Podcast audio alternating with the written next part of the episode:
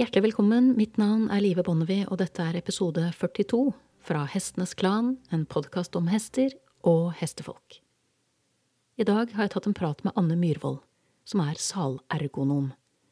Det er en utdannelse fra Saddlefit for Life som det er mulig å ta i USA, Canada og Europa. Og i likhet med Ellen Schmedling, som jeg intervjuet om tenner i episode 21, og kiropraktikk i episode 29, var det også i Annes tilfelle en utfordring med hennes egen hest som sendte henne ut i verden på jakt etter gode svar. Og jeg må si at jeg har enorm respekt for de mange hestekvinnene jeg opp gjennom årene har truffet på min vei, som identifiserer et problem, som ofte er et velferdsproblem, og når de har løst det for sin egen hest, har de ikke samvittighet til å snu ryggen til andre hester som har det samme problemet. De velger altså å vie livet sitt, eller i alle fall store deler av det, til å tilegne seg og dele kunnskap, som også kom min og din hest til gode. Anne hadde nemlig en hest som i sin tid var ekstremt vanskelig å finne sal til. Hun brukte to år uten å finne en sal som hesten var komfortabel med. Men da hun var eh, på et kurs i termografi i USA, så møtte hun veterinær doktor Johanna Robson, som pekte henne i riktig retning. Men den nærmeste fagpersonen som kunne bistå Anne og hesten hennes i Skandinavia, var basert i Sverige, og litt av poenget med salen hun gikk til anskaffelse av, var at den hadde en justerbar bom, og dermed kunne følge hesten gjennom årstidene med treningstopper, beitesesong og rolig turridning, og likevel alltid passe hesten som hånd i hanske. Dette brakte Anne til Jochen Schlese og Saddle Fit for Life. Og Jochen er interessant nok også en fyr som kom inn i faget da han oppdaget at hesten hans var halvt som følge av en feiltilpasset sal, og valgte å gjøre det til sitt livsverk å hjelpe andres hester. Som salergonom er Annes jobb rett og slett å sikre at salen er ergonomisk tilpasset både hest og rytter, noe som skulle vise seg å være særlig relevant for ryttere med et kvinnelig bekken.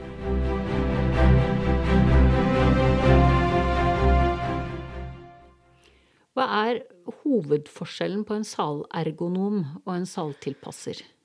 Det er Det er jo at man tilpasser vesentlig mer til både hest og rytter i bevegelse.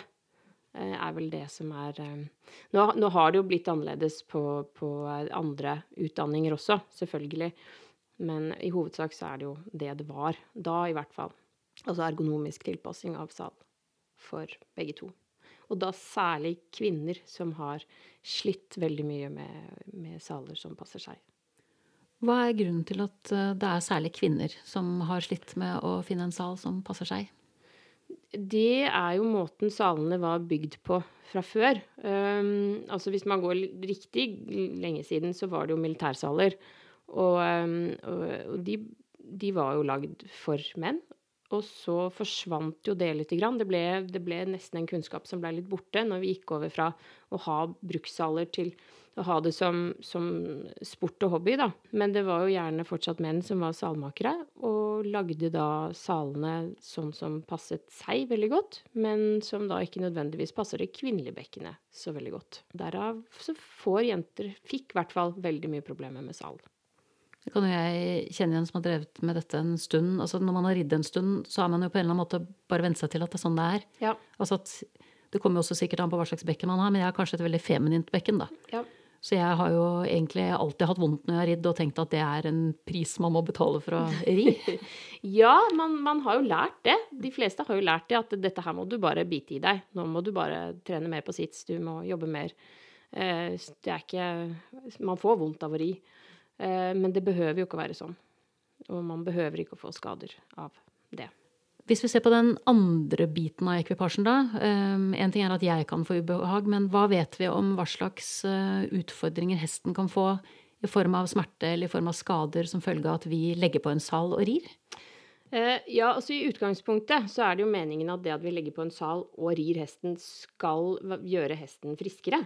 Eh, det er jo, og sterkere og mer holdbar. Det er vel det som egentlig er tanken. Men, men den er jo i utgangspunktet ikke laget sånn fra naturens side til å bære rytter.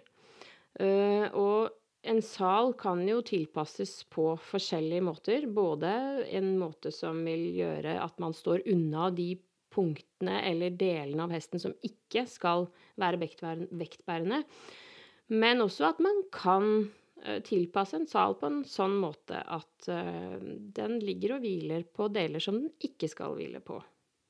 Og det er klart, det er jo skadelig både fordi du får kompensasjon, at hesten kompenserer fordi at den klarer ikke eh, å bevege seg riktig pga. at den blir hindret av sal eller rytter eller begge deler.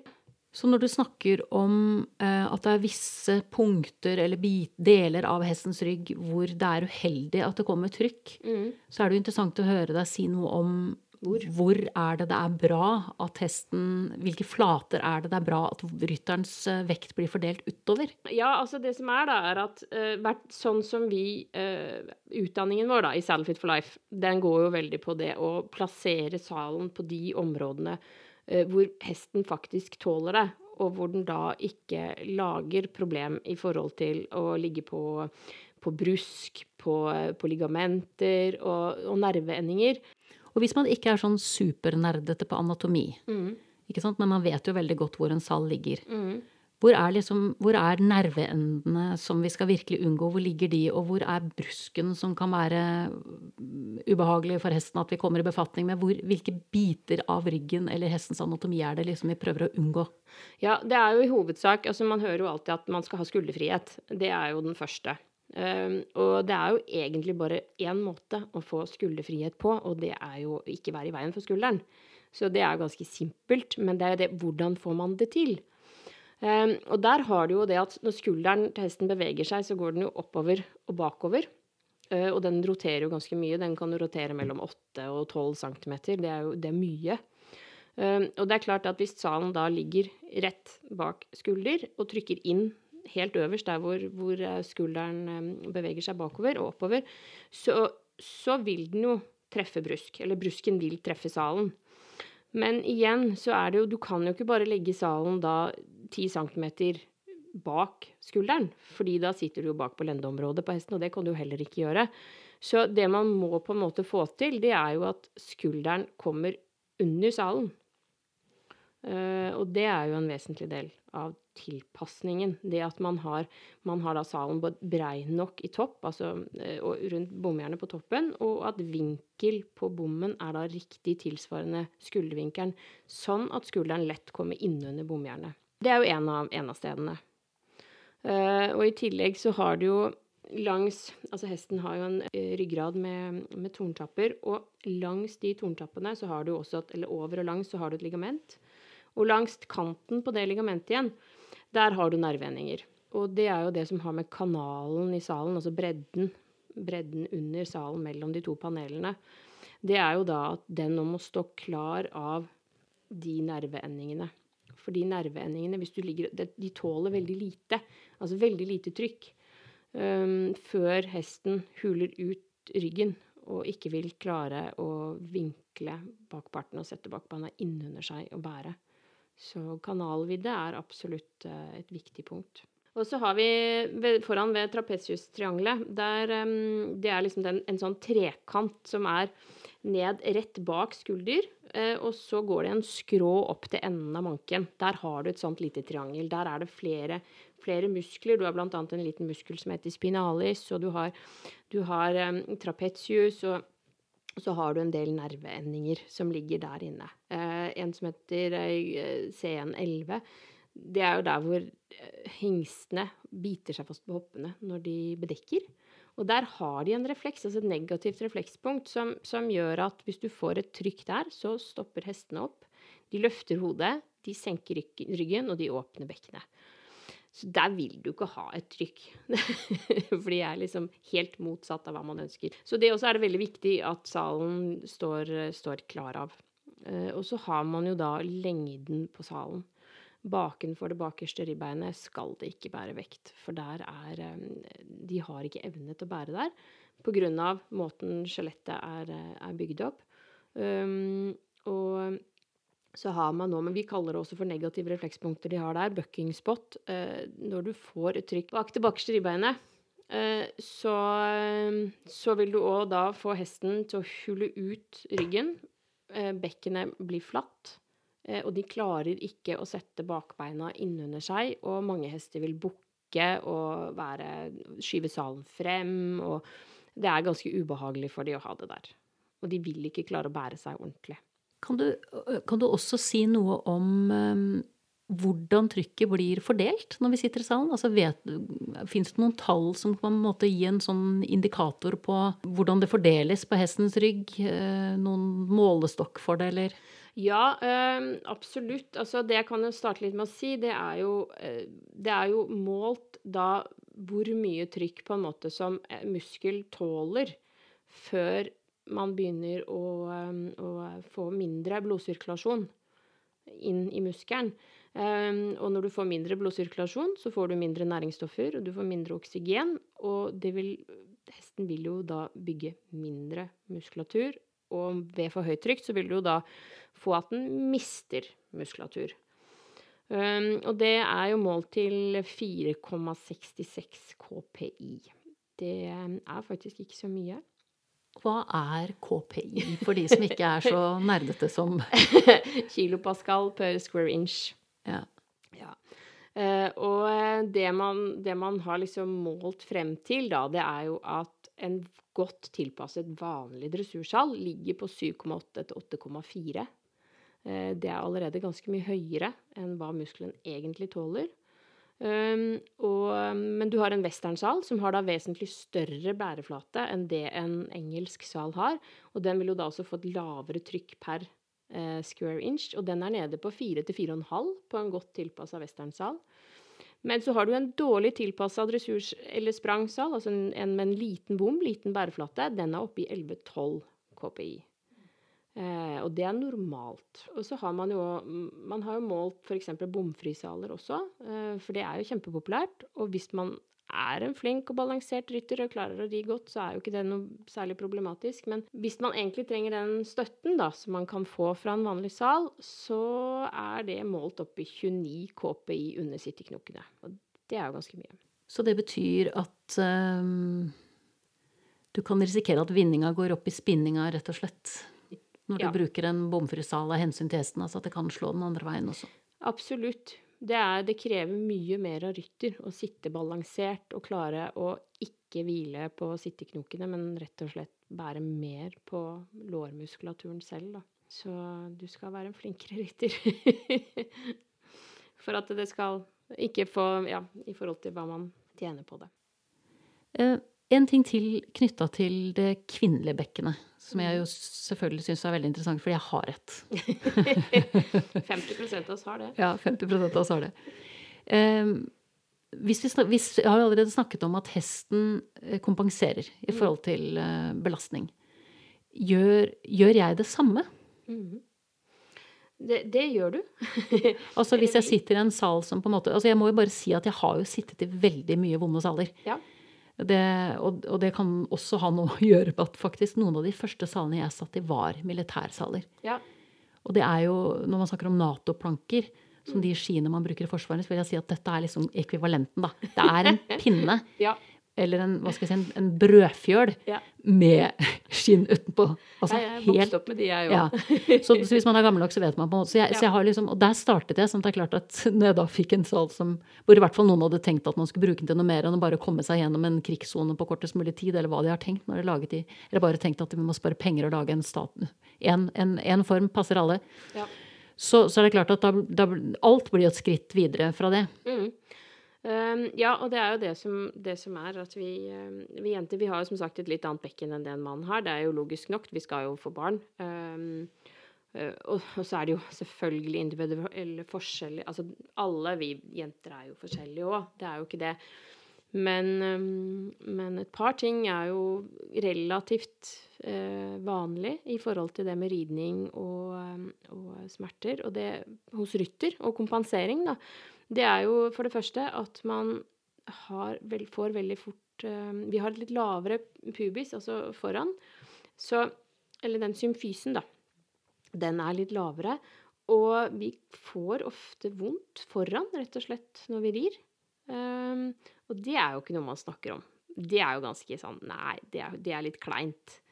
Eh, og måten man da gjør det på Mange står bare i det og rir så de, de, de blør, rett og slett. Ja, det er jo sånn som du sier at det er ikke sånt man snakker om. For jeg må innrømme at jeg, jeg tror jeg var over 40 ja.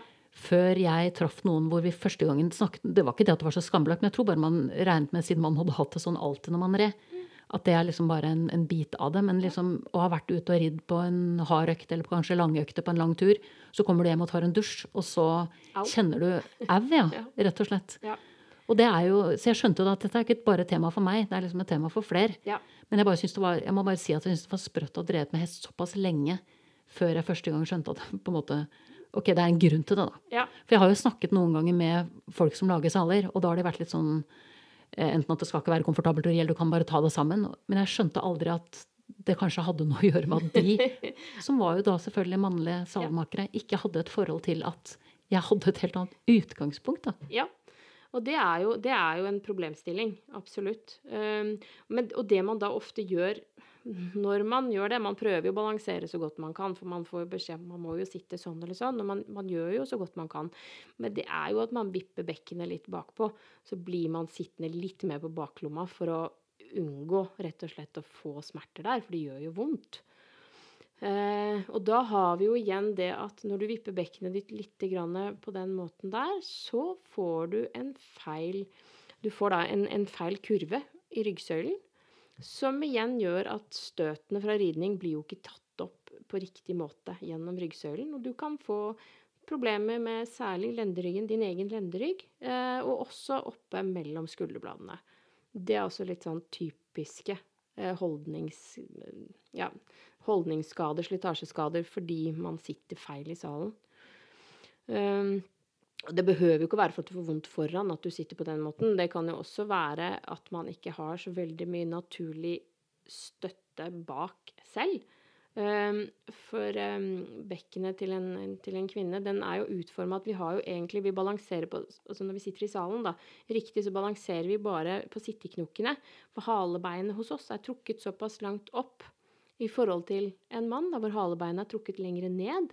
Eh, og muskulaturen er også bygd forskjellig, sånn at en mann har litt høyere eh, rumpemuskulatur, får litt mer støtte av den, mens vi har litt lavere og litt flatere.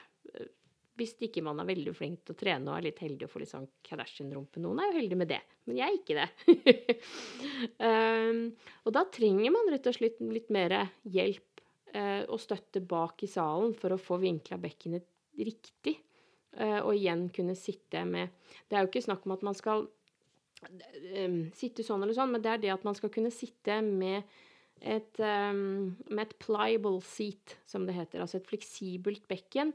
Og kunne, kunne ta i opp støtene der og opp gjennom ryggsøylen på en måte som den er lagd for å tåle. Det er jo da at skivene er parallelle hele veien.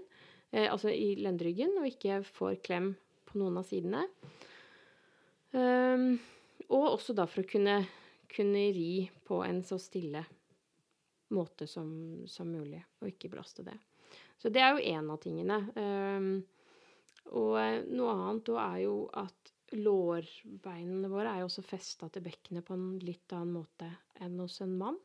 Um, så de går litt mer sånn um, Ja, vi har mer På, en mann så er det litt rettere. Hos oss er de litt Vinklet innover. Ja. ja eh, Jochen sier at de er litt mer kuforma. Jeg vet ikke om det var noen hyggelig måte å si det på, men Nei, men i hvert fall så har det jo da at vi har, vi har mer fylde på innsiden av lårene. Eh, muskulatur, vi kan godt kalle det det. Eh, som igjen gjør at når vi da sitter i en sal hvor det er en brei tvist, altså hvor salen er brei, så vil da kneet vårt bli vridd utover sammen med ankler og tær utover. Um, og når vi da får beskjed om å dra disse her frem, så vil vi jo da få en feil belastning i kneet. Sånn at støtdemperen i kneet heller ikke fungerer som den, som den skal. Fordi vi får da en vridning i beinet. Både kne og ankler. Så det med smerter i knær og ankler og hofter er også kjempevanlig. Men så er det igjen, da. Det er jo alltid et men. Eh, det er jo det at hvis du putter av Man ønsker da en smal tvist på en sal til kvinner for at vi skal sitte mest mulig behagelig, komme tettest mulig inntil hesten og få en, en rett linje med benet hengende rett ned, så må jo den fortsatt være brei nok til hesten. For hvis ikke, så går vi på kompromiss med hesten. Så Og der Den er ikke alltid så lett. Som brei hest, smal tvist. Det Ja. Så det er også litt utfordrende. Eh, når du eh, reiser rundt eh, til dine kunder, ser du da Kan du gi dem som eksempel på utfordringer som, som, de har, som du da bidrar til å hjelpe til med? Um, ja. ja, det kan jeg. Det er jo um, I hovedsak så er det jo Det første jeg gjerne begynner med, det er jo å gå ut og Vi tar en analyse hvor vi går gjennom, vi går gjennom salen, vi går gjennom hesten, og vi går gjennom rytter og hvordan det her passer sammen. Um, og um, så er det jo å finne ut av hva behovet egentlig er. Hvorfor er jeg ute hos kunden? Det kan jo være forskjellige årsaker til det. Hva er den vanligste årsaken til at du blir kontakta? Det er at folk har et problem. At de føler at salen ikke passer. Og noen ganger så kan man jo gjøre noe med det. Noen ganger er det småting. Og noen ganger så kan jeg ikke gjøre noe med det. Og da må man nødvendigvis skaffe seg en annen sal. Jeg rir jo islandshest. Ja. Og da er det jo nærliggende å tenke seg at en islandshest, selv om vi ynder å si at de er kjempesterke i forhold til størrelsen, og jeg vet at det er sant at de er det, så kjenner jeg da på at jeg er en stor rytter i forhold til den hesten. Har, vi, har du noen tall, noen målinger, noen uh, studier som viser hvor mye det har å si? Det ene er jo det vi snakket om i forhold til både bomløs sal og, og sal med bom. Altså hvis rytteren er ubalansert. Ja. At det får en negativ effekt for hesten. Absolutt. Hva vet vi om, om rytterens tyngde i forhold til hestens størrelse? Um, ja, det er jo en Det er jo en ting. Det er jo klart, det, altså Jo mer vekt man legger på en kort bæreflate, dess høyere trykk blir det jo. Det er jo ganske innlysende. Så jo mer vekt man ønsker å fordele, dess større bæreflate må man jo ha for å få mindre trykk per kvadratcentimeter, eller kvadratinch, da. Um, og uh, islandshester er jo veldig, veldig korte. De, de har nesten ikke bæreflate. Um, og det er jo et kjent fenomen, det at salene er jo for lange for at man skal få plass til rytter oppi. Uh, og det, det er jo dessverre uheldig for hesten. Men akkurat islandshester, sånn erfaringsmessig med det, er at de, de biter det i seg. Og så har det kanskje også, har jeg tenkt noen ganger, da, at det fins vel også en slags gevinst i at man har en kort rygg. Altså jeg bare tenker en, Evne en kort til å bære. Ja, Ja. ikke sant? Det er det. Det er jo lettere for en kort rygg å bære. Men du vil kunne Du vil jo se det på hvordan både ryggen ser ut. og longissimus, den store muskelen som vi faktisk sitter på, det er jo ikke den som bærer deg, men det er den som, som har vekten på seg. Det er jo senere ligamenter som, som bærer.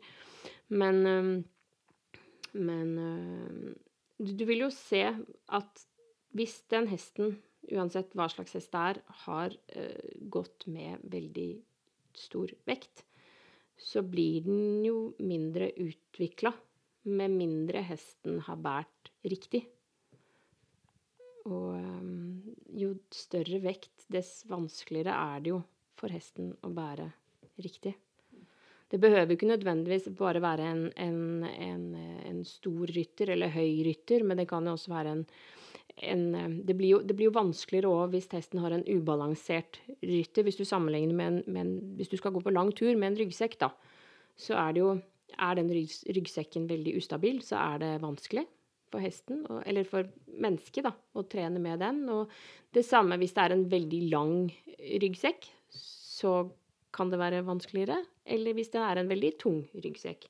Så man kan jo fint klare å bære det, men det krever jo veldig mye mer trening i forkant. At man er sterk nok. Og så er det jo ikke alltid at man kan bli sterk nok. Så det er jo litt med å, å tilpasse hest etter, etter, eier og etter bruk. Og, og, at man også da tilpasser bruken etter hva hesten evner. Og sånn sett vil jo en god sal eller riktig sal da være med på å avhjelpe en utfordring. ikke sant? For det er jo Ja. det er klart at summen av disse faktorene Ja. Jeg som driver med islandshest og har en liten hest, ok, kanskje er jeg litt grann tung for hesten. Ja. Ikke sant? Og så har jeg en sal som jeg fikk anbefalt av en trener en gang, eh, eller så at han brukte, og så har jeg på en måte bare kjøpt den og tenkt at den er super. Aldri egentlig tilpasset den noe særlig. Nei. Og så er jeg kanskje ikke så eh, flink til å ri som jeg ynder å tenke, og er litt ubalansert. Og summen av de faktorene Det behøver ikke å bli så veldig bra resultat. Men er det eh, er det lett for deg å bedømme bare, En annen ting som er veldig forskjellig fra, fra, hest til hest, er jo også hvordan de forholder seg til ubehag og smerte. Ja. Det og det jeg har erfart som har overrasket meg litt, er jo at en hest kan faktisk ha ganske vondt i ryggen uten at den ømmer seg. Mm. For noen ganger så er det jo sånn at når du på en måte palperer eller kjenner på hestens rygg, ja. så vil den nesten gå ned i knestående fordi den har så vondt i ryggen. Og da man, slipper man å lure på det. Da ja. vet man at her har den vondt. Men så er det jo også andre ganger hvor, hvor uh, hesten skjønner man etter hvert har hatt et stort ryggproblem, men du har ikke kunnet kjenne det bare ved å klemme på ryggen. Nei. Hva er din erfaring på det området? Uh, det er jo at De aller fleste hestene de sier jo ifra på et eller annet vis.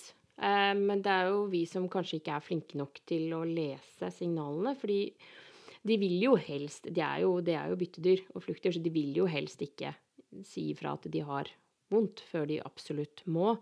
Um, og um, det første man kan begynne med altså Jeg bruker jo da Saddle Fit for Life-metoden med dette her skjemaet, som vi fyller ut og går gjennom alle tingene, for å se om, om det er noe indikasjon på at dette ikke passer, sånn at vi i hvert fall må lete etter det. Uh, og så er det jo å snakke med eier, høre hva de har å si, hva de har opplevd, sånn i forkant av før jeg begynner å palpere. Jeg må jo palpere og se hvordan hesten reagerer på det. Eh, og så er det Men kanskje det som jeg ser mest på, det er når man kommer med salen. Og ser hva hesten gjør da, med, både med, med mulen og hvordan den beveger den, ører, eh, uttrykk. Eh, de sier gjerne veldig mye, bare at de begynner å bli urolige eh, når du begynner å skal sale opp. Eh, og hvordan de reagerer når jeg sjekker hvordan salen ligger på, ved å trykke på salen. Uh, har ikke hesten vondt og er ikke salen et problem, så, så, sier de ingenting. Da står de stille og syns det er greit. Men uh, begynner de å, å, trippe og være litt sånn nafsete, og du ikke kan tilegne det til at de bare er utålmodige, så er det et lite varsko her. Men da kan jo ofte omkved være at ja, men sånn har han jo alltid vært. Det har jeg hørt, ja. han har alltid lagt litt på ørene eh, når jeg strammer hjorten. Han har alltid eh, gått litt frem og tilbake, blitt litt rastløs, rista på hodet. Mm. Han har alltid gjort det når han har fått på salen. Ja. Og, og, det er ikke fordi at det er sånn hesten er. det er ikke det. Det, det, er liksom, det, er så lett å sitte og si det, men jeg, å, jeg har jo hatt hest mange, mange år. Um, og den forrige hesten min, ikke den jeg har nå, men den forrige, det var en fullblodshest. Og uh, det her er jo ganske lenge siden. Hun uh, jeg inn med westernsjal. For det holdt, jeg med, det holdt jeg på med på den tiden. Uh, og mm, teite hesten, vet du. Den la jo på ørene hver gang jeg kom i salen, og den beit, og den var sur, og den slo med bakbeina, og det var en kjempeidiotisk hest, fordi den likte ikke salen sin. Uh, og det tenkte jeg hver dag. Dritthest. Du må jo skjønne at dette her går fint. Eller dumme hest, liksom. Uh, og, uh, men den så fin ut i ryggen. Den ømma ikke. Det var ingenting galt. Den har aldri vært halvt. Ikke noe, ikke noe sånt. Og vi brukte jo den salen i de årene jeg hadde henne. Det var i seks eller syv år. Og så solgte jeg henne fordi jeg uh, fikk barn og tenkte at nei, nå, nå, er det best å ikke ha hest. Uh, og ny eier der jo, um, overtok jo salen og prøvde flere saler etterpå, og det fungerte jo ikke så veldig bra. Og så, etter at jeg har tatt den utdanningen her, det var jo da fire år etter at hun blei solgt, så har vi funnet en sal til den, og den slutta å bite. den slutta å være sur.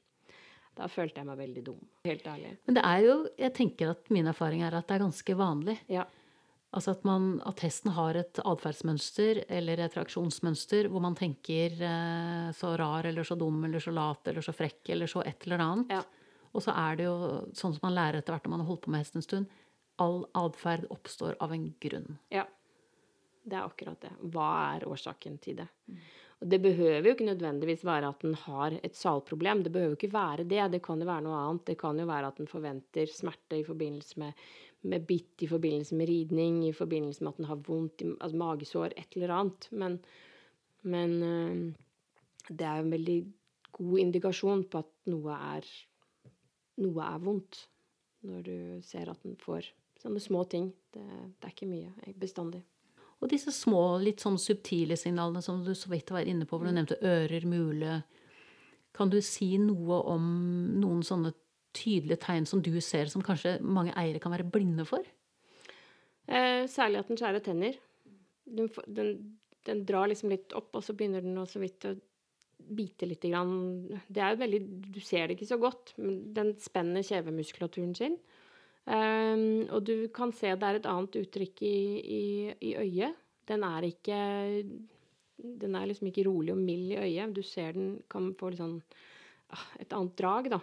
Det høres jo litt rart ut, men man ser det, du ser det med en gang når du ser det. Det høres rart ut hvis man ikke har sett det. Eh, ja, du skjønner hva jeg men mener. Men når du har sett det, så er det veldig common sense. Ja. Uh, og den spenner seg ofte, men uh, det, det, jeg ser kanskje mest, det er jo at de, de, de, blir liksom De flytter vekten fra ben til ben. Fordi de vet hva som kommer. For å ta, ja, for å ta imot eller ja Forberede seg. Er øh, ubehag som følge av øh, for tung rytter, for ubalansert rytter, dårlig tilpasset sal er det, er det, mange hester, tror du, som sliter med én av tre eller alle av tre? Det er det. Det er det korte svaret. jo, men, men, eh, det er det for vi som driver med hester også. Vi er jo bare mennesker. Det er jo noe med det at Jeg tror vel alle egentlig prøver å gjøre så godt man kan.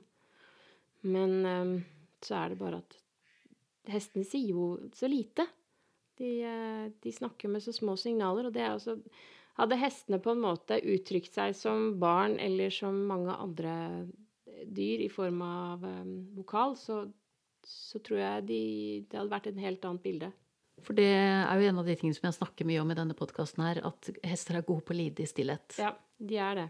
Og de, de, prøver jo Det er jo det jeg opplever, at de prøver jo alltid så godt de kan. Det er noen få individer selvfølgelig som, som er annerledes, men, men, stort sett så ser du at de, de kompenserer på alle måter de kan når, uh, når man rir de kanskje på en feil måte, eller har utstyr som ikke passer, eller at det har vært feil i forhold til hovslager, eller ja, i det hele tatt.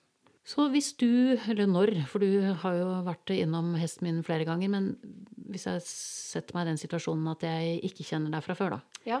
Så hvis du da kommer til meg for første gang, så vil du da gjøre en vurdering av hesten sånn som den er, eh, sånn som den står, sånn som den ser ut. Du vil kjenne på den, du vil måle. Og da gjetter jeg på at en av de ting du ofte finner, er jo at den har ikke en lik høyre og en lik venstre side. Ja. Altså at det er forskjell. Det er veldig vanlig. Eh, og en av de tingene som jeg liker med den salen som jeg har, er jo at jeg har muligheten til å kompensere for det. Altså at test, altså salen er asymmetrisk. Ikke bare at den kan justeres, for allerede der tenker jeg litt sånn med skrekk på min, min første hest. Ja. Jeg kjøpte jo en sal som han hadde ganske store deler av livet. Mm. Og var, den hadde jo en fast uh, bomvidde. Mm. Eh, og han gikk jo ute på beite og, og, var noen ganger trent opp mot konkurranser og noen ganger ikke trent opp mot konkurranser, så ryggen hans forandret seg jo enormt i den mm. perioden. Mm. Men der, eh, der, lå den samme salen. Den lå fint. Den, den, lå kanskje ikke så fint heller, for den var jo bare kjøpt fordi jeg, treneren som jeg brukte den gangen, hadde samme type sal. Ja. Så det var liksom der det startet. Og jeg husker jo islandshestsalene som jeg starta med, var jo også veldig mye lenger. Ja. Um, så hva er det du da altså Det ene er hvis salen overhodet ikke passer, så, så, kan du anbefale meg å kjøpe en ny. Ja. Men hva kan du faktisk gjøre med den som er?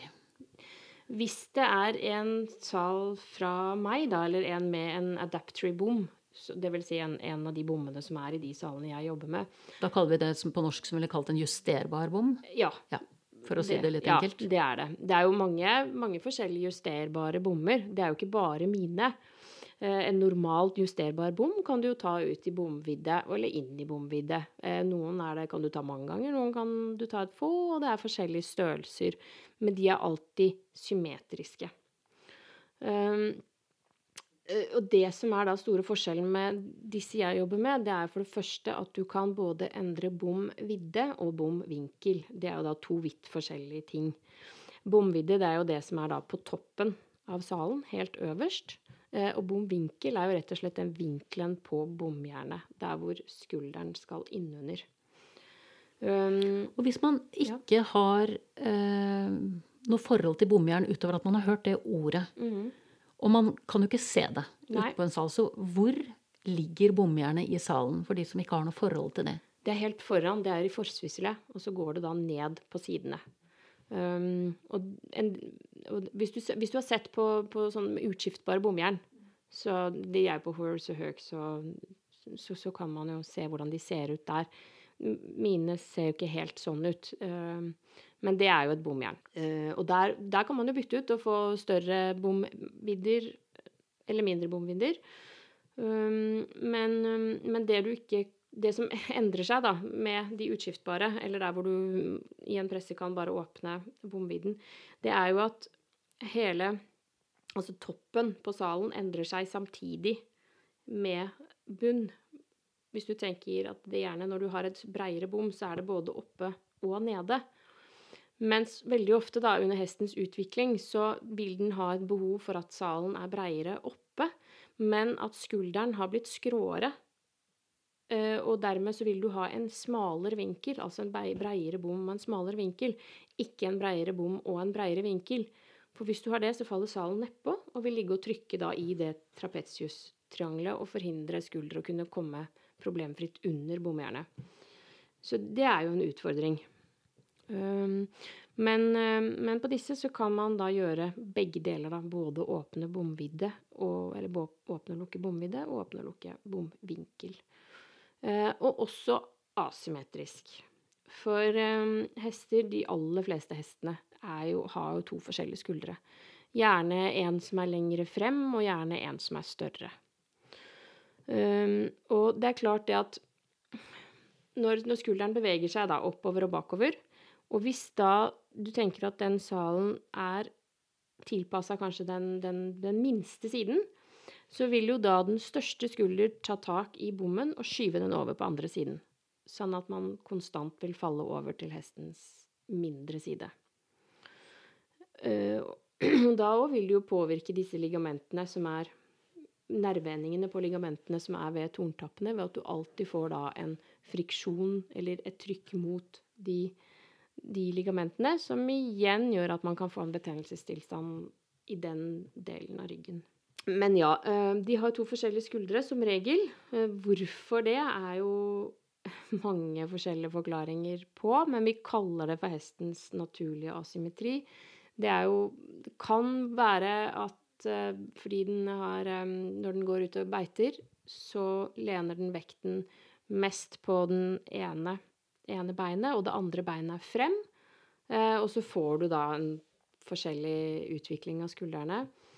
Um, eller om den er født sånn, med den ene overarmen lenger enn den andre. Eller om det er fordi at den har blindtarm på ene siden. Eller Ja, det er, det er mange, mange, teorier på det, og jeg vet ikke om man egentlig vet hva som er årsaken. Men, Men det er vel sånn med oss også, at vi er jo ikke Nei, vi er ikke, vi er, vi er ikke likesidige, vi heller. Nei. Det de ser, da er at hester som går i veldig, veldig um, kupert terreng og fritt frem til de er to, har en større likhet mellom skuldrene enn det våre, som er oppvokst sånn som vi holder dem her, da, med boks og Eller utegang, men flatt.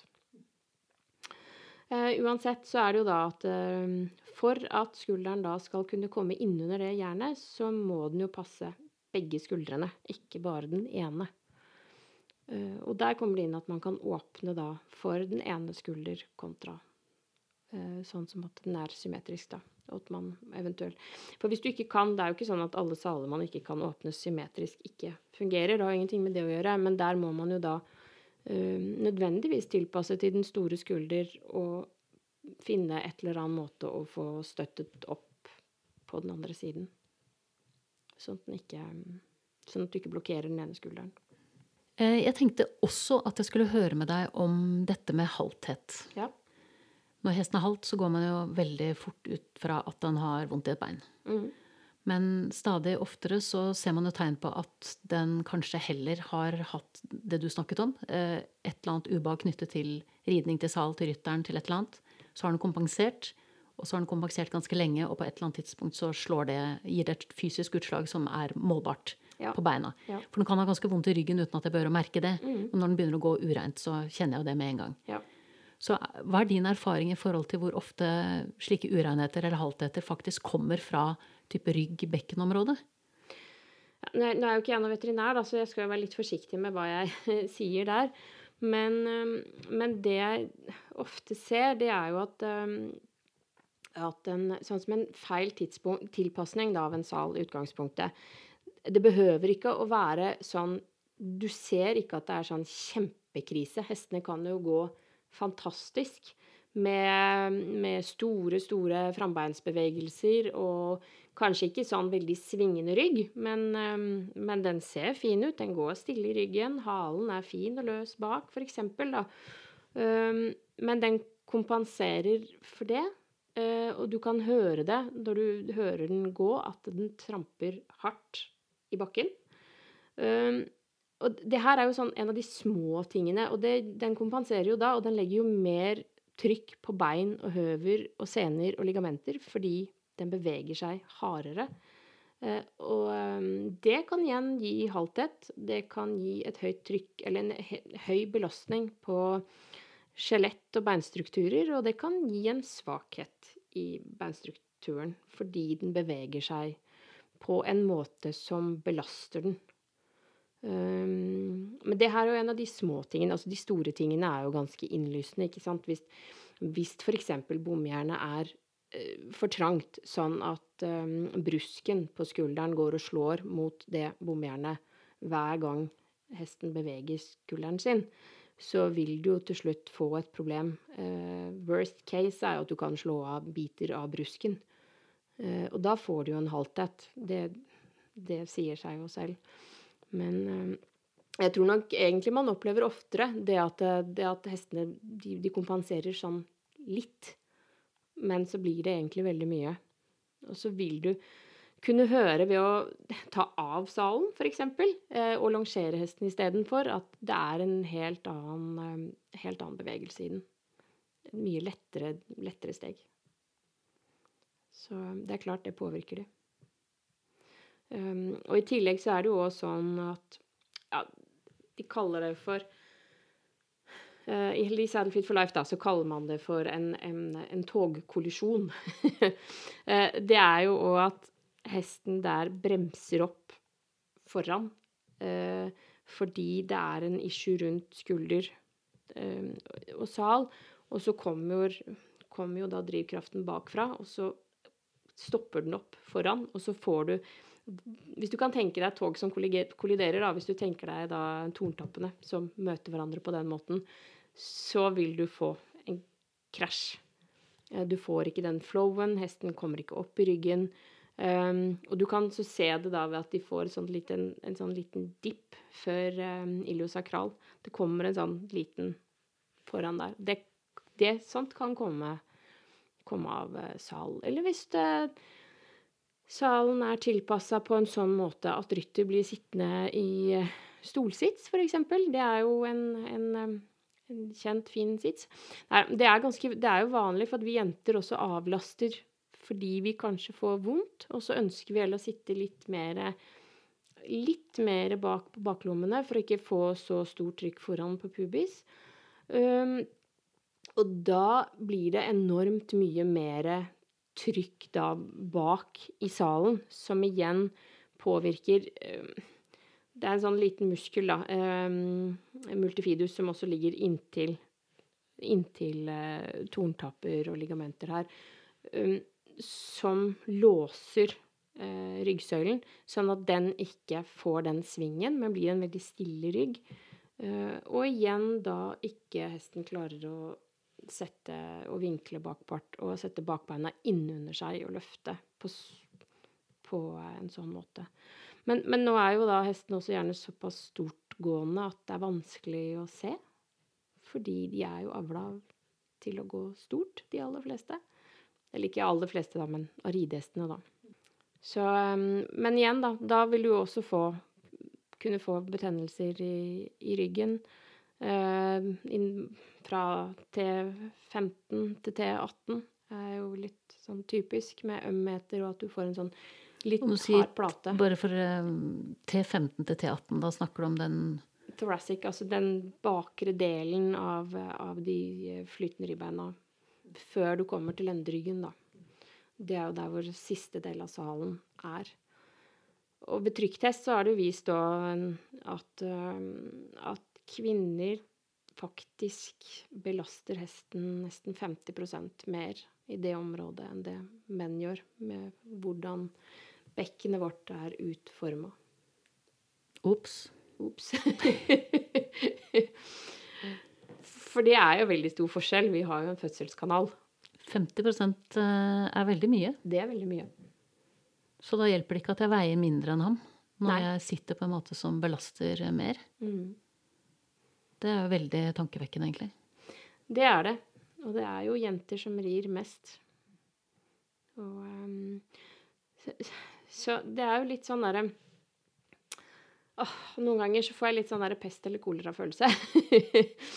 Fordi det er eh, Selvfølgelig så ønsker man at rytter skal sitte så stille som mulig, for da får du en stille hånd, og du forstyrrer hesten minst mulig. Eh, og det er jo da litt bakpå. Samtidig så, så vet jeg jo at det belaster hesten veldig mye mer. Fordi når du ikke sitter i en loddrett sits, så blir du hardere i hånda.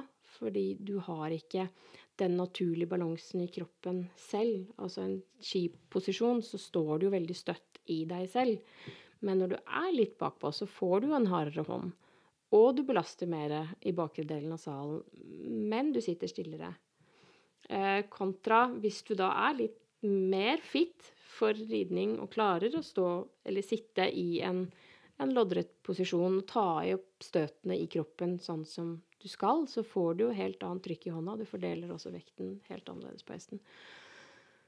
Så Men det krever mer. Så jeg, jeg syns den, den er litt vanskelig, akkurat den, den der. For de fleste av oss er jo ikke toppatleter når vi rir. Nei. Nei. Men vi, ja, det er et paradoks at uh, det er så lett å tenke det, det er jo egentlig litt sånn omkvedet hvis du rir på tur og du treffer noen som er ute og jogger. Ja, Ja. du sitter der og koser deg. Ja.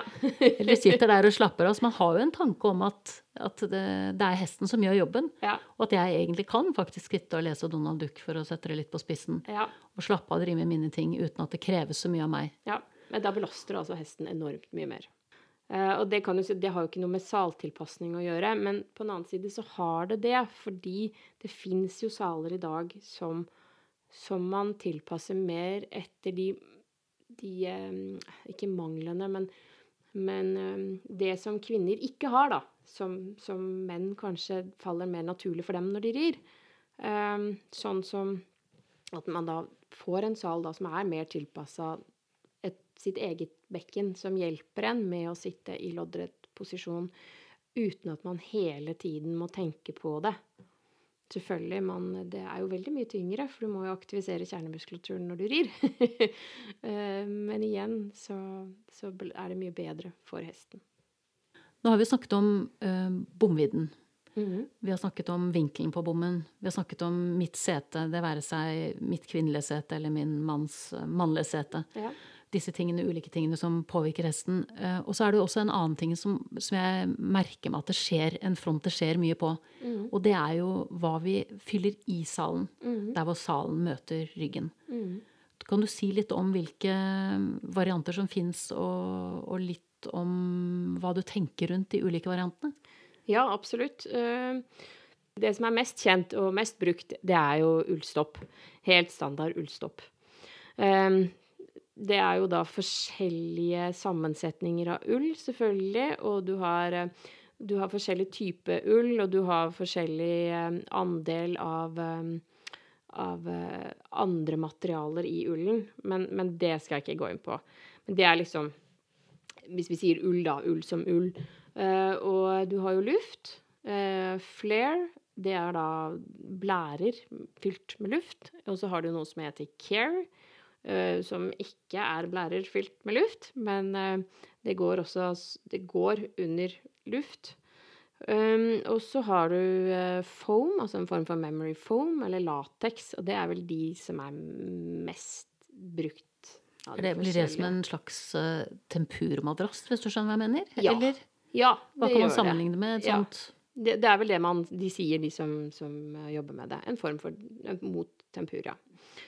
Um, og um, det er jo fordeler og ulemper med alle, alle de forskjellige. Hvis du f.eks. hvis du tar den vanlige ullstoppen, uh, den er jo veldig grei fordi den hele tiden kan jo byttes ut og endres på, fylles på, og tas ut ettersom hvordan hesteryggen er. Uh, men den trenger vedlikehold. Uh, den bør jo ses til i hvert fall hver sjette måned, den også. Selv om mange ikke gjør det. Det kjente jeg på meg at det er veldig få som gjør. Ja. Ja. Men den òg trenger det. Eh, Fordi den, eh, den klumper seg, og den tover seg, og den, den trenger vedlikehold, rett, rett og slett. Det er ikke det at man må bytte ut all ullstopp hver sjette måned, men den bør ses til. For er det klumper i ullen, så vil du jo kunne få trykkpunkter av det også. Um, uh, det som er med ull, det er jo at det er jo veldig fint og vektfordelende. Um, det er litt stillere for, um, for rytter. Eh, at den beveger jo ikke så mye på seg som f.eks. luft gjør. Eh, og det kan være positivt eh, for rytters rygg.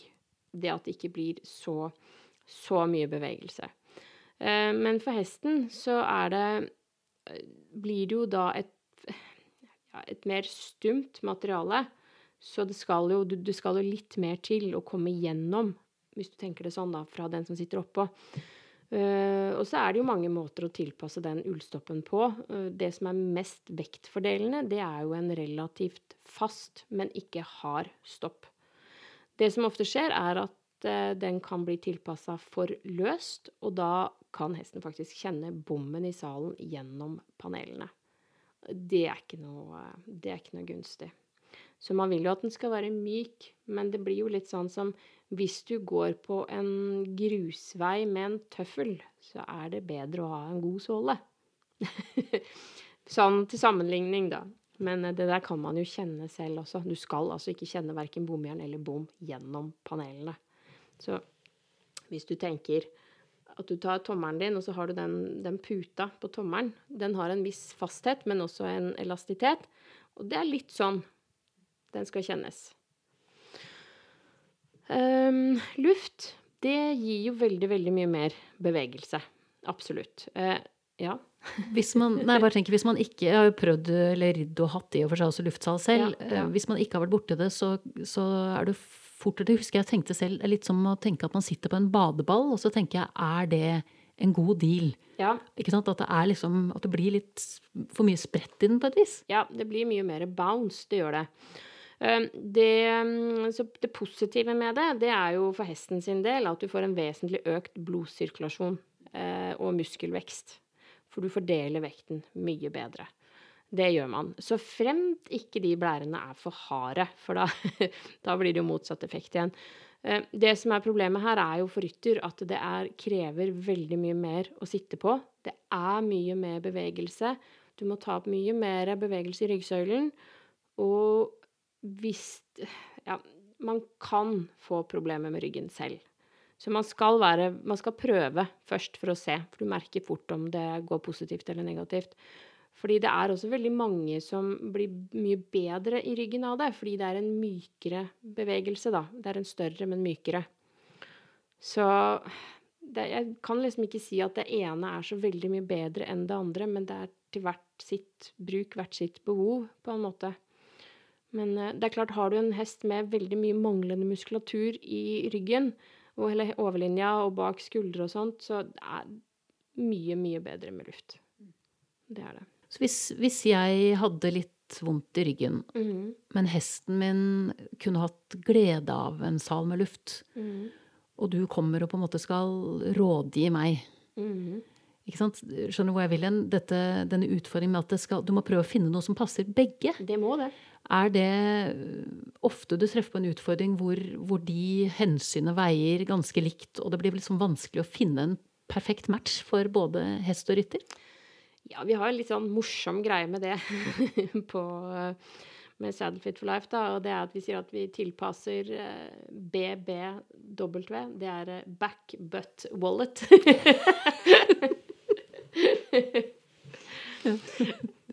I den rekkefølgen. I den rekkefølgen. Ja. Ja. Eh, Men, men, hvis du som rytter spenner deg enormt av å sitte i en luftsal, eller du får vondt i ryggen selv, så kan man ikke det. Fordi hvis du sitter som en anspent rytter Jeg sier ikke en rytter som faktisk må koble på kjernemuskulaturen og jobbe for å ri, men en anspent rytter, så, så vil du ødelegge mer enn det det vil gagne. Nettopp så er det det som blir, det som blir tunga på vektskålene sånn sett i forhold til dine anbefalinger, er ja. at selv om den salen kunne vært, uansett om det er ull eller luft, er super for hesten, ja. hvis det er helt krise for rytteren, så, så, Nei, nettopp. Så det er poenget å klare å møtes med et kompromiss man, på et vis. Man må det. Man må det. Og det er jo klart, altså Det er jo rytteren som klarer å rope høyest, da. og det er også den som gjerne betaler. Så, men det er jo Det skal ikke Man skal ikke gå for en sal som gjør situasjonen verre for hesten. Det må alltid gå i pluss for hesten. Um, og det er jo Noen ganger er det veldig vanskelig, fordi man har jo kanskje begrensa begrensa økonomi. Man har ikke råd til å kjøpe all verden som fins. Um, og da må jo vi som er ute og jobber, være kreative og finne så gode løsninger som mulig, så lenge det går i pluss for um, hestens ve og vel. Hvis vi snakker om gå i pluss, så mm, får jeg lyst til å spørre deg om du har Har du noen eksempler på en sånn gladhistorie? Altså ting du har opplevd i din praksis hvor det å bytte sal virkelig har flytta på store ting, da? Ja, jeg har jo i hvert fall én som er veldig stor. Den var jo den Det var Jeg har en, en profilrytter. Hun er det nå. Hun var jo ikke det da. Som eh, hadde en Eller ja, nei, hun hadde en dressurhest som hun har hatt fra den var liten. Eh, og jeg lurer på om den var ni når jeg var der første gang. Og hun eh, hun ville jo veldig gjerne ha den opp i Grand Prix, men hun fikk den ikke til å piaffere. Det var liksom ikke mulig. Den har litt merkelig ikke, ikke, merkelig, men den har litt lang lenderygg. Så det var vanskelig for den å aktivisere og få, få i gang dette. Og eh, så hadde vel treneren imta frempå at den kunne nok aldri komme dit. At den kunne piafere. Og eh, så var jeg der, og vi sjekket sal, og hun fikk prøve en av de jeg har med luft, fordi den var veldig sensitiv. Den er veldig, veldig sensitiv. Tenkte ja, vi prøver. Og um, så tror jeg hun hadde ridd i den fire ganger. Så begynte den å ta sine første steg mot en piaff. Det var ganske, det var ganske wow, for da var jeg Jeg hadde ikke holdt på så lenge, eller jeg tror det var i 2014 eller noe sånt. Så det var eh, for meg så var det litt sånn shit. God følelse. Ja. Har det så mye å si? Ja. og det, det, har det. Mm. Absolutt. Det er jo det som er interessant de gangene man har vært i situasjoner hvor, hvor det sammenlignes saler. Altså at du kan se at steglengden til hesten er større med én sal enn en annen, f.eks. Mm. Så det, jo, det, er jo en vitenskap etter hvert blitt, dette også. Ja. Og, um, og, det er jo det både med steglengde og ryggsving øh, og både bare hvordan hesten er i, i hånda, da, for eksempel. Jeg, jo, jeg har jo skomakerens barn hjemme. Jeg har jo, har jo en jeg rei inn eh, i, eh, ja, for tre år siden. Hun er seks nå. Da hun var tre, så skulle hun rise inn. Og jeg turte jo ikke dette her selv, så jeg har jo satt henne bort eh, i profesjonell trening. Og der er det jo ofte sånn når du setter dem bort, så bruker jo eh, treneren den salen de har. Eh, det er jo ganske normalt. Og, men fordi at jeg jobber med det jeg gjorde, så tenkte jeg at nei, jeg må, må jo se, da. Bare sjekke at dette er OK. Og jeg syns jo det. Jo, i og for seg. Det var OK. Og um, de, hun blei jo ridd inn, og jeg fikk uriene, og jeg tenkte jøss, så, så hard den var i munnen. Eh, så, tung i hånda. Det var jo litt sånn Det var jo litt rart, for jeg forventa jo ikke det. Uh, og um, så hadde hun vel gått der i jeg vet ikke, tre-fire uker, og så tenkte jeg nei, jeg får tilpasse en sal til da, kjære vene, det er jo, jeg jobber jo med det her. og så gjorde jeg det. Det var jo ikke noe dyr sjal jeg tilpassa, det var en helt vanlig, en av de rimelige jeg har, og bare tenkte ja, det får gå. Og det var altså en helt annen hest å sitte på. Og det var da min egen treåring. Og jeg tenkte herregud, er det mulig? Den var helt lett i hånda. Den, den tok kontakt, men bar seg selv. Um, og den fikk mye større galopp. Den var mye rundere i steget. Og det var jo da Jeg følte meg ganske dum der òg. Man, man, man lærer så lenge man lever. Det kan jeg skrive under på at det gjør man. Og en av de tingene som fascinerer meg, altså både i forhold til at man blir jo mer kresen på sal Ja. eh, etter hvert som man blir eh, Ikke nødvendigvis eldre, men bare har ridd lenger. Ja. Det er jo det er sånn når du spiller fotball at du får en preferanse på hva slags fotball du liker å bruke. Og hvis du driver med brettseiling, så har du en for forhold til bom og trapes. Altså sånn er det. Ja. Man blir liksom bare mer og mer kresen. Ja. Så jeg tenker jo at um, at det er Jeg har vært overrasket over hvor mye det har hatt å si for meg når det har klaffet. Og da snakker jeg egentlig om to ting. Det ene er at salen faktisk er sånn tilpasset både meg og hesten at, at man sitter i en slags balanse fra før. Ja. Og så kommer det neste punktet, og det er at jeg klarer å være til stede i nuet. Ja. Og ha min kropp i ordentlig balanse når jeg inviterer hesten inn i det samme. Ja. Så jeg tenker disse, disse nyansene som vi snakker om her, de er jo på en måte utrolig små. Ja. Men samtidig så er det så skremmende, og det var Piaf-eksempelet ditt var egentlig veldig godt. At plutselig så er det en brikke som kan falle på plass fordi at, fordi at uh, alle bitene spiller, eller alt trekker i samme retning. Da. Ja. Det er veldig fascinerende hvor mye det har å si, rett og slett. Ja, det er det. Og, og det er jo da man får mer Eller jeg i hvert fall får veldig mye Jeg blir mye mer ydmyk overfor hestene jeg treffer. Og mye mer respekt for hva de egentlig står i. Ja, og hvor mye de prøver som de ikke kan fordi vi har bommet på vårt, Ja. tenker jeg. Ja. Ja, jeg er helt enig. Og Man blir litt sånn satt ut. Og um, det er klart, det her har jo ikke noe med Har jo ikke noe med um, hvilken saltilpasser eller salergonom man bruker. Det har ingenting med hvilket salmerke man bruker. Altså, det har ingenting med det her å gjøre i det hele tatt. Men det er jo de små tingene, at man ser at hesten sliter med Den gjør det jo ikke med vilje, men at man kan gjøre små endringer på ting, og så blir det en helt annen hverdag for eh, dansepartneren sin. Så hvis vi skulle, eh, Det hørtes nesten ut som din, eh, ditt avsluttende innlegg, men jeg pleier jo å spørre gjestene mine Ja. om det er liksom en sånn enkel ting som de har merka seg gjennom den jobben de har, eller den tiden de har tilbrakt med hester, som de tenker at, at det er viktig at andre folk som driver med hest, vet. Eh, nei, altså det, det blir jo litt sånn klisjéaktig, men det er jo det at hestene er jo ikke dumme. De er ikke dumme. Eh, altså dum som i ikke, ikke intelligent, men, men de er ikke slemme. Det de gjør, er ikke for å Det er klart, de er jo selvfølgelig De ønsker jo å jobbe kanskje ikke mest mulig, men, men, men hvis de på en måte sier noen ting, hvis de legger på øra, hvis de klapper med tenna, hvis de tramper, hvis de bukker, hvis de er harde i hånda og drar seg unna steiler Altså, er det sånne ting, så det er en grunn til det. Ikke bare tilegn det som hesten er teit. Det er, det er en grunn. Og man kan som regel løse det. Anne, tusen hjertelig takk for at du satte av tid til dette. Selv takk for at jeg fikk komme. Det var veldig hyggelig. Så får du ha lykke til videre med alt ditt. Takk i like måte. Du har nettopp hørt episode 42 fra Hestenes Klan, en podkast om hester og hestefolk. Takk til min faste komponist Fredrik Blom, takk til min gjest, salergonom Anne Myhrvold, og sist, men ikke minst, takk til deg, kjære lytter, for tålmodigheten. Måtte hesten for alltid være med deg.